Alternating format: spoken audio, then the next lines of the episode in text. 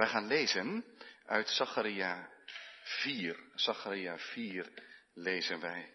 Het vijfde visioen dat Zacharia in die ene nacht ziet om het volk aan te sporen en te bemoedigen. Zacharia 4. Daar lezen we Gods woord als volgt. De engel die met mij sprak kwam terug en wekte mij zoals iemand die uit zijn slaap gewekt wordt. Hij zei tegen mij, wat ziet u? Daarop zei ik, ik zie en zie een kandelaar, geheel van goud, met een olievaatje aan de bovenkant ervan. En daarbovenop zeven bijbehorende lampen, met telkens zeven toevoerbuisjes aan de lampen die daarboven zitten. Met twee olijfbomen ernaast, één aan de rechterkant van het olievaatje en één aan de linkerkant ervan. En ik antwoordde en zei tegen de engel die met mij sprak, mijn heren, wat betekenen deze dingen? Toen antwoordde de engel die met mij sprak en zei tegen mij, weet u niet wat deze dingen betekenen? Ik zei, nee, mijn heren. Daarop antwoordde hij en zei tegen mij, dit is het woord van de heren tot Serubabel. Niet door kracht en niet door geweld, maar door mijn geest, zegt de heren van de legermacht. Wie bent u, grote berg? Voor de ogen van Zerubabel zult u een vlakte worden. Hij zal de sluitsteen aandragen, onder luid geroep, genade, genade, zei hem. Het woord van de Heere kwam tot mij. De handen van Zerubabel hebben dit huis gegrondvest. Zijn handen zullen het ook voltooien. Dan zult u weten dat de Heere van de legermachten mij tot u gezonden heeft. Want wie veracht de dag van de kleine dingen, Terwijl die zeven blij zijn als zij het tinnen gewicht zien in de hand van Zerubabel. Die zeven zijn de ogen van de Heere die over heel de aarde trekken. Daarna antwoordde ik en zei tegen hem, wat betekenen die twee olijfbomen aan de rechterkant van de kandelaar en aan de linkerkant ervan? En voor de tweede keer antwoordde ik en zei tegen hem, wat betekenen die tweede olijf, die twee olijftakken, die door die twee gouden buisjes gouden olie uit zich weg laten lopen. Toen sprak hij tot mij, weet u niet wat deze dingen betekenen? Ik zei, nee, mijn heer.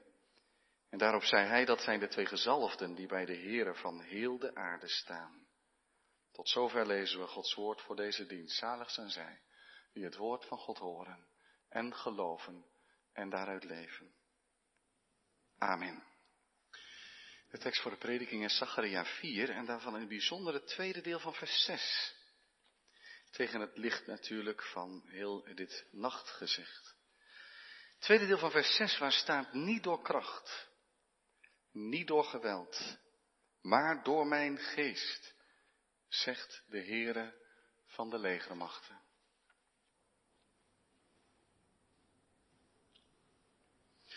Gemeente van onze Heer Jezus Christus, broeders en zusters.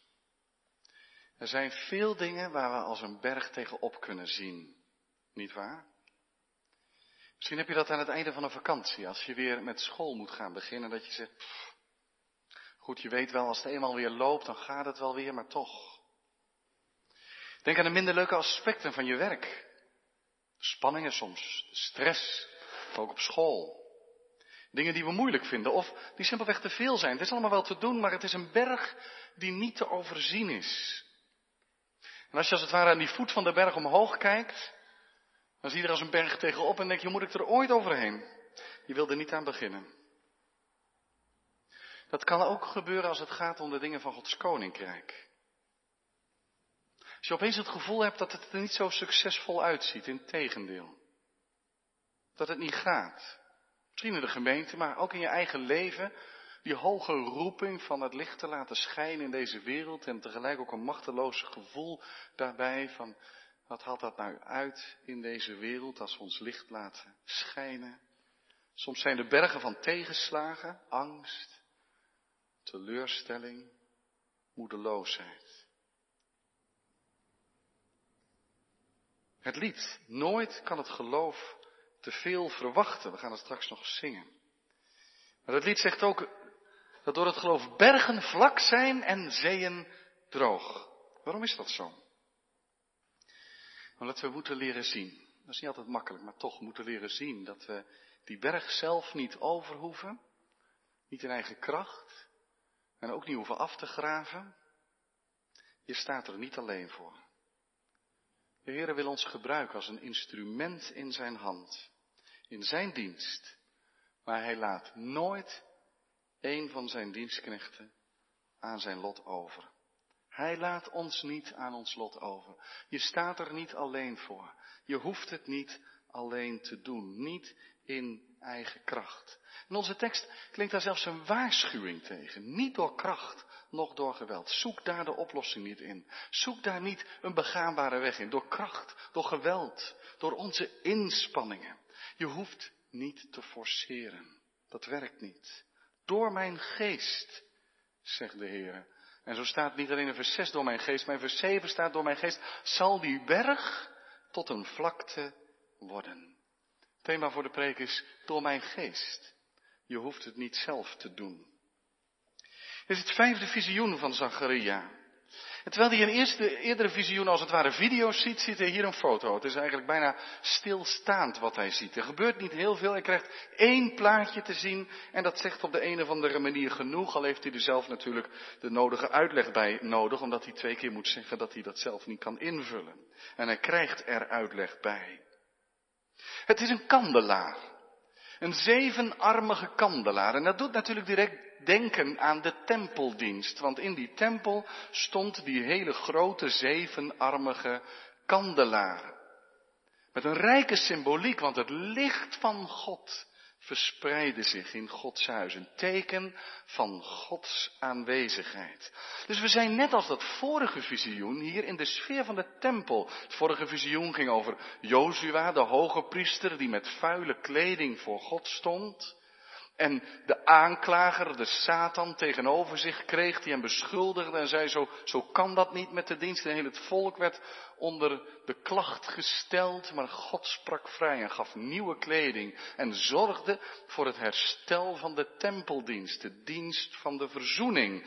En nu het vijfde visioen. Nu wordt Zerubabel aangesproken. Maar wie is nu Zerubabel?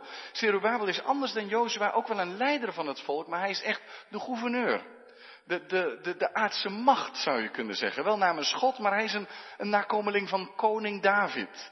Terwijl Jozua, de hoge priester, een nakomeling van Aaron was. Een priestergeslacht. Maar nu dus de koninklijke lijn. Zerubabel is een nazaat van David. En hij is degene die weliswaar geen koning is. Die glorietijd is over. Alleen God kan die herstellen. Maar Zerubabel zal toch leiding geven aan het volk. En u kent inmiddels wel een beetje de situatie. De bouw van de tempel zit in het slop, van de muren ook. En er staat boven de hoofden van bijna iedereen één woord geschreven. En dat is moedeloosheid.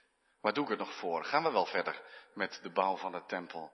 Um, zullen we niet maar beter opgeven? En Jozua moet er leiding aan geven. En de profeten Haggai en Zacharia moeten er leiding aan geven. En Ezra en Nehemia natuurlijk. Maar ook Zerubabel moet daar leiding aan geven. Nu, wat ziet Zacharia? Hij ziet een kandelaar met zeven lampen, maar er is iets bijzonders met die kandelaar. Als je goed kijkt, dan zit er boven die kandelaar, het is eigenlijk, ik heb daar niet echt goede plaatjes bij gevonden, maar er zit een soort oliereservoir boven. Dat is bijzonder, want het was een geweldig voorrecht als je mocht dienen in de tempel, dat je daar naar die gouden kandelaar toe ging. Daar zat olie in die lampen en die brandde, maar op een gegeven moment was de olie op en het moet iets moois geweest zijn om het als taak te hebben om die olie bij te vullen. Want dat had een geweldig rijke betekenis, want zalfolie was al het beeld van de Heilige Geest die mensen kracht en moed geeft en wijsheid en leiding. En, en dan bracht die olie ook nog licht voor, het licht van Gods aanwezigheid. Waarmee de Heer zei, dit is mijn huis. Hier woon ik. Hier ben ik thuis. Hier ga ik met mensen om. Hier mag je mijn aangezicht zoeken. God zelf is in hun midden. Steeds raakte de olie op. Maar, maar in dit beeld is dat nou juist zo bijzonder dat daar een oliereservoir bij is. En vanuit dat oliereservoir lopen er buisjes, waardoor de olie kan stromen naar elk van die zeven lampen. Waarmee dat hele beeld voor Zacharia, die dat natuurlijk begrijpt, en eh, krijgt er uitleg bij, maar op zich het beeld begrijpt hij, kandelaar, Gods aanwezigheid. Maar dat die olie blijft lopen en dat die lamp nooit uit zal gaan. Dat is een geweldig beeld. Men zegt, ja, maar dat olievat dat zal toch op een gegeven moment ook leeg zijn. Dat is waar. En daarom zie, gaat dat beeld nog verder. Want Zacharia ziet links en rechts van dat olievat twee olijfbomen staan. En die olijfbomen, die zijn de voorziening van die olie. En die hebben weer buisjes naar het olievat. Met andere woorden, de schepper van hemel en aarde. Die zorgt voor een gedurige toevloed van de olie naar de lampen. Zodat Gods lamp zal blijven branden. Een prachtig beeld. Bijvullen hoeft blijkbaar niet. De olie blijft stromen. Wat betekent dat? Nu, dat moet een geweldige bemoediging zijn voor Zacharia en voor Zerubabel en voor het hele volk. De Heere zegt, je, je, wordt ingeschakeld in mijn werk. Ik geef je een plaats om te dienen, maar ik leg het niet geheel op jouw schouders. Ik zal er zelf voor zorgen dat de lamp blijft branden, dat de olie blijft vloeien. En als jij, en dat hadden die mensen die tijd, Zerubabel had dat, die zal misschien gedacht hebben, hoe pak ik het nu weer eens aan? Hoe moet het nu verder? Als hij het gevoel heeft dat de lampen uitdoven door de moedeloosheid en het werk stagneert, kan ook herkenbaar zijn in Gods koninkrijk en in je eigen leven, dat er moed ontbreekt, je het gevoel hebt dat je er alleen voor staat en je denkt, heeft het allemaal nog wel zin? Kijk naar die kandelaar. Die schijnt omdat God daarvoor zorgt. Hij geeft een gedurige stroom van olie. Het beeld van de Heilige Geest. Weet u dat koningen, profeten en priesters gezalfd werden en dat daarmee gezegd werd, ik neem je in dienst, je bent geroepen, maar ook die olie betekent dat de Heer je bekwaam maakt en bij je zal zijn. Altijd. De kandelaar staat te schijnen. God zelf zorgt daarvoor. In Openbaringen 1 wordt de gemeente van het Nieuwe Testament een kandelaar genoemd. Daar zal Johannes dat gevoel ook hebben gehad als hij uitgerangeerd is, naar Patmos verbannen, zorgen heeft over de gemeente die hij niet kan zien, maar die weet hij aan de overkant van de zee, daar ligt die gemeente en hoe zal het daar verder gaan in tijden van vervolging. Je zou er moedeloos van worden, maar dan verschijnt Christus aan hem in zijn glorie en heerlijkheid. En Johannes kan maar één ding, is plat op zijn gezicht, vol, vol ontzetting, vol, vol ontzag voor Jezus neervallen die zijn rechterhand op hem legt. En zegt, vrees niet, ik heb de dood overwonnen. En dan blijkt dat, dat, dat hij degene is die wandelt tussen de kandelaren. En de kandelaren zijn de zeven gemeenten. De gemeente waar Gods woord staat te stralen. Waar God zelf in het midden is. En Christus wandelt tussen die kandelaren. Hij die gezegd heeft, u bent het licht van de wereld. Laat uw licht schijnen en zet die niet onder een maatbeker. Laat die schijnen voor de mensen, zodat zij uw goede werken zien en de Vader die in de hemelen is, verheerlijken. Nu bij de uitleg van dit visioen lezen we dan de woorden van onze tekst. Niet door kracht, noch door geweld, maar door mijn geest. Als dingen niet willen, bout losdraaien van een moer, andersom geloof ik. Dan ga je wrikken. Iets zit vast moet los, we gebruiken geweld, we slaan er nog eens op, helpt niet altijd. Maar er moet iets geforceerd worden. Let wel, dit visioen is aan Zerubabel gericht. Dat is de man waarvan je toch eigenlijk zou kunnen zeggen, hij draagt het zwaard niet te vergeefs. Het is niet de hoge priester die zijn zwaard maar helemaal achterwege moet laten, maar het is iemand die, die echt leiding moet uitoefenen, gezag en macht heeft gekregen van God. Maar hij moet horen, niet door kracht, noch door geweld. Want misschien ligt die Zerubabel s'avonds wel op zijn bed te denken, hoe zullen we het nu eens doen? De mensen willen die tempel niet bouwen. Moet ik ze dan toch maar eens onder druk gaan zetten? Eh, een beetje dreigen misschien. En die tegenstanders die altijd weer op de loer liggen om de boel weer af te breken. Flink bestrijden door krachtsvertoning en desnoods door geweld zal dan toch Gods koninkrijk er komen. Moet Zerubabel het dan zo doen? Nee, zo gaat het niet in Gods koninkrijk. Niet forceren. Niet met menselijke machtsmiddelen of kunstjes erbovenop. Als je leiding geeft, Zerubabel, niet forceren. Kies niet de al te menselijke weg van de dingen die je zelf kan beheersen. Je zou het kunnen noemen dat je uit frustratie gaat forceren, dwingen, middelen gebruiken die niet passen bij Gods koninkrijk.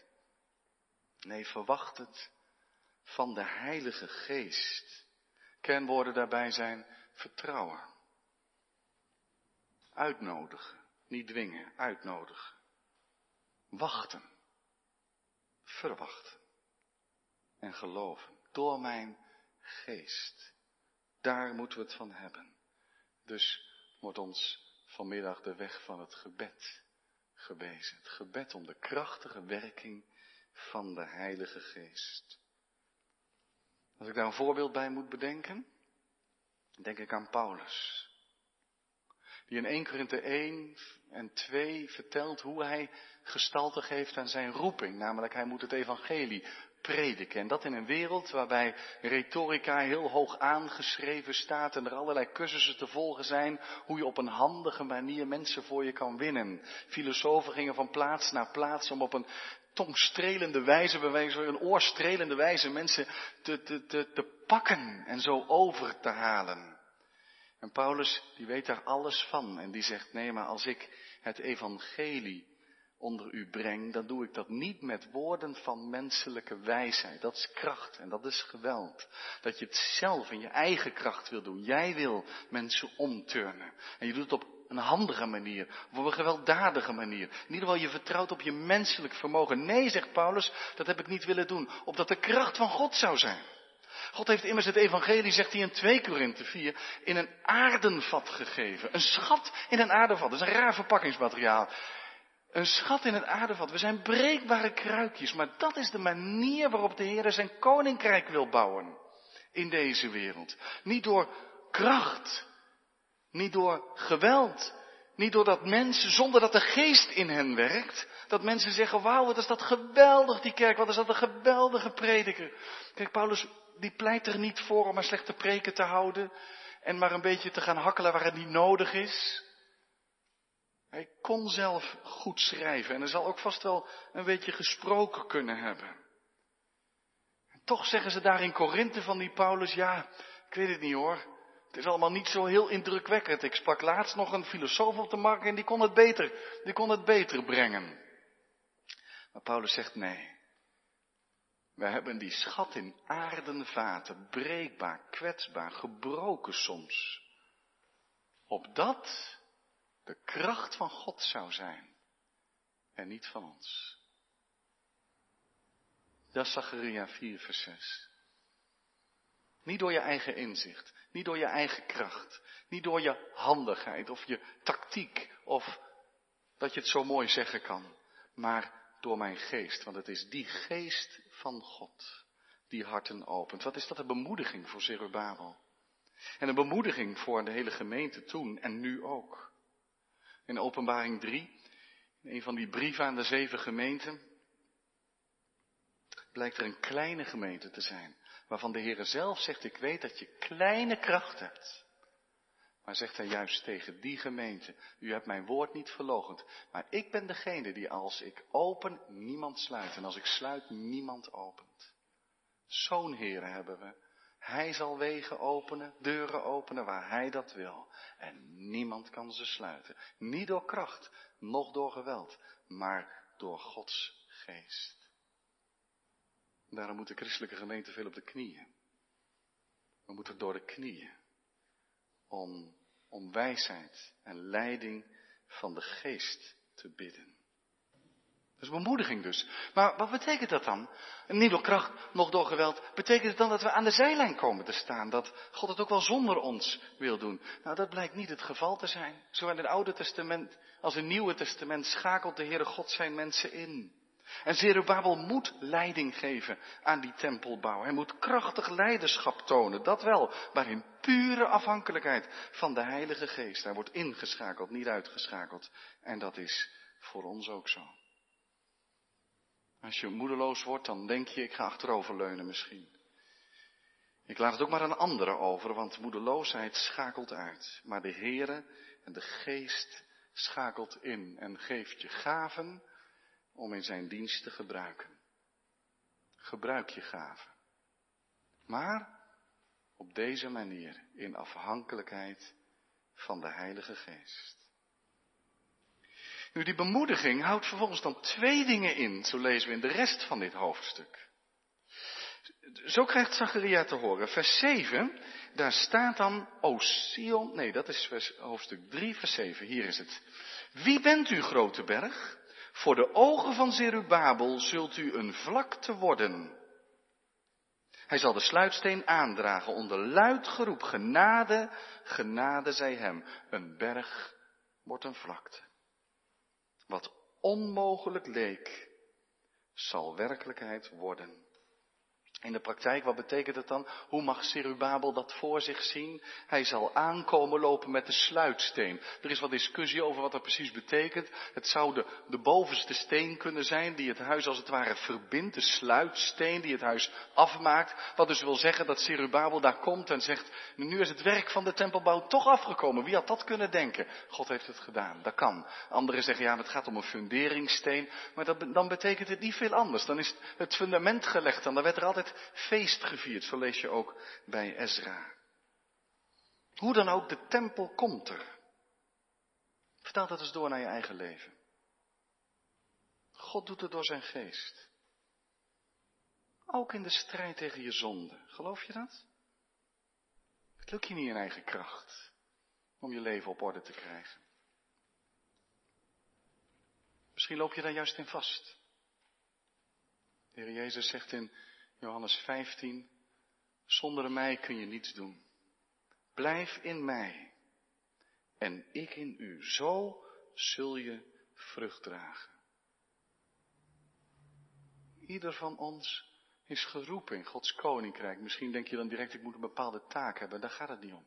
We zijn allemaal uitgezonden in deze wereld. Om op je plek, in je gezin, in je straat, in je schoolklas, waar je ook mee bezig bent om zijn licht te verspreiden.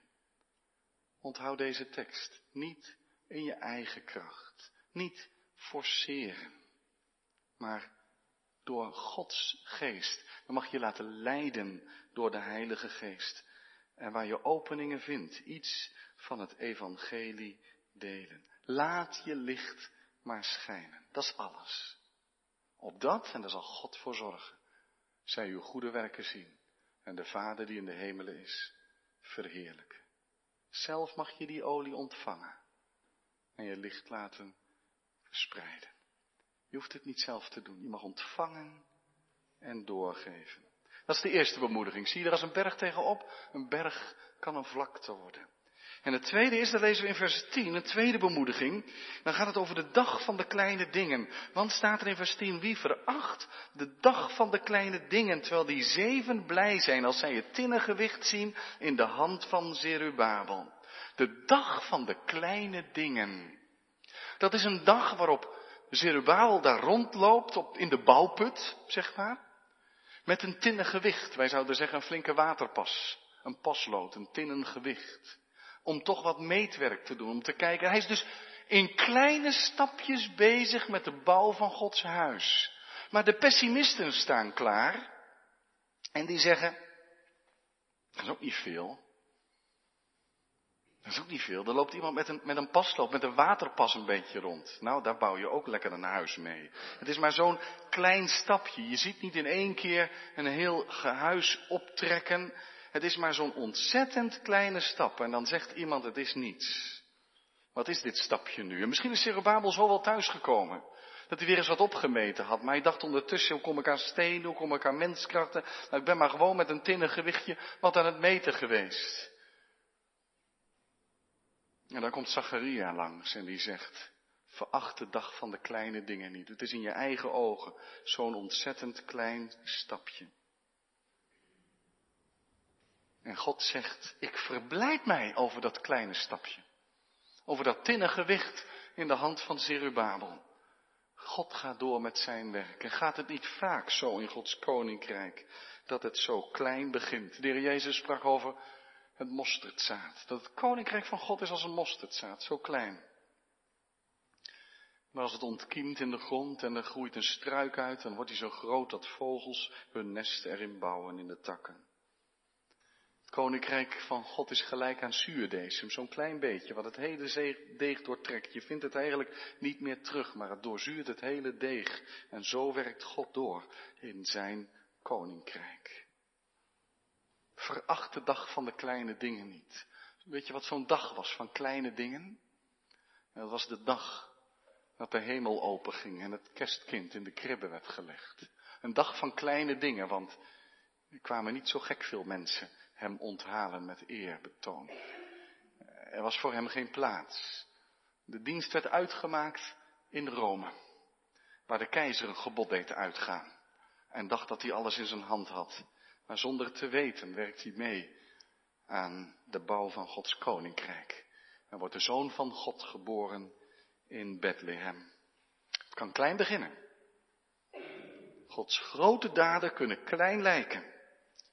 Zo werkt God. Dan preekt Jezus het evangelie niet op de grootste podia van de wereld, maar in de provincie Galilea. Wat ziet het koninkrijk er vaak machteloos uit? Paulus heeft het geleerd. Als hij later zegt, en als ik zwak ben, dan ben ik machtig. Zo gaat Gods koninkrijk voort. God is blij met dat tinnen gewicht, die waterpas in de hand van Zerubabel. En iets kleins kan iets groots worden. Misschien komen wij vanmiddag wel voor de Heer Jezus en zeggen we, ja, ik heb nog wel vijf broden en twee vissen, maar wat is nou vijf broden en twee vissen? Nu zegt de Heer, veracht de dag van de kleine dingen niet. Want waar wij vijf broden en twee vissen hebben, dan kan de Heer aan het breken gaan. En hij breekt maar door. En het stopt niet. Er blijven twaalf mannen over voor het volk Israël. En later blijven er nog zeven over. Het getal van de volheid voor heel de wereld. Vijf broden, twee vissen. En het grootste gevaar is dat wij die vijf broden en twee vissen in onze broodtrommel laten zitten. Omdat we zeggen, ja, wat begin je nou met vijf broden en twee vissen? Wat begin je nou met je talent, waar een ander veel meer heeft om te bieden? Laat die het maar doen. Waarom zou ik? Waarom zou ik een goed woord voor een ander spreken? Gods koninkrijk is zo klein, zo mini in deze wereld. En de wereld is zo groot. Het heeft allemaal geen zin. Waarom zou ik een daad van liefde doen? Je kunt er de wereld toch niet mee veranderen. En daar blijven die vijf broden en twee vissen in je brooddoos zitten. En ze komen niet in de handen van de meester te liggen.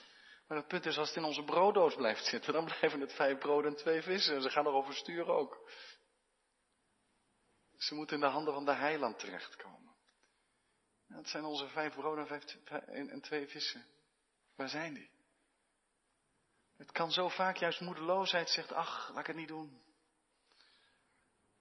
De Heere vraagt van u niet om een menigte te voeden in eigen kracht. Niet door kracht, nog door geweld, maar door mijn geest zal het gebeuren. Zet het maar in.